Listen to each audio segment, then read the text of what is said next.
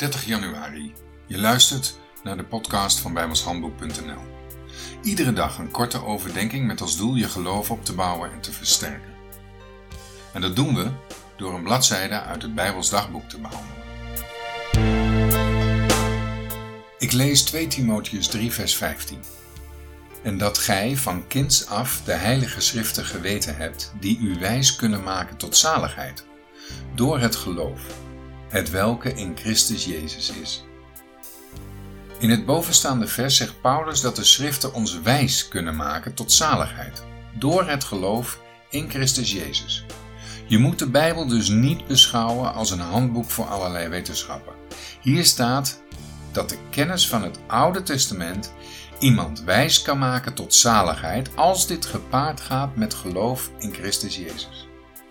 De behoudenis ligt dus niet in het kennen van het Oude Testament zelf, maar uitgaande van het geloof in Christus Jezus kan men met het Oude Testament bewijzen dat Jezus de Christus is en dat de behoudenis in Hem wordt gevonden.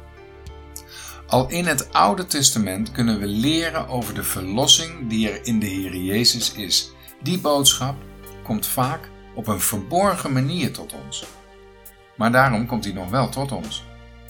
We zien het bijvoorbeeld in de offerandes en in de bouw van de tabernakel, in de geschiedenissen van de richteren en in de uitgesproken en opgeschreven profetieën. Het komt overal terug.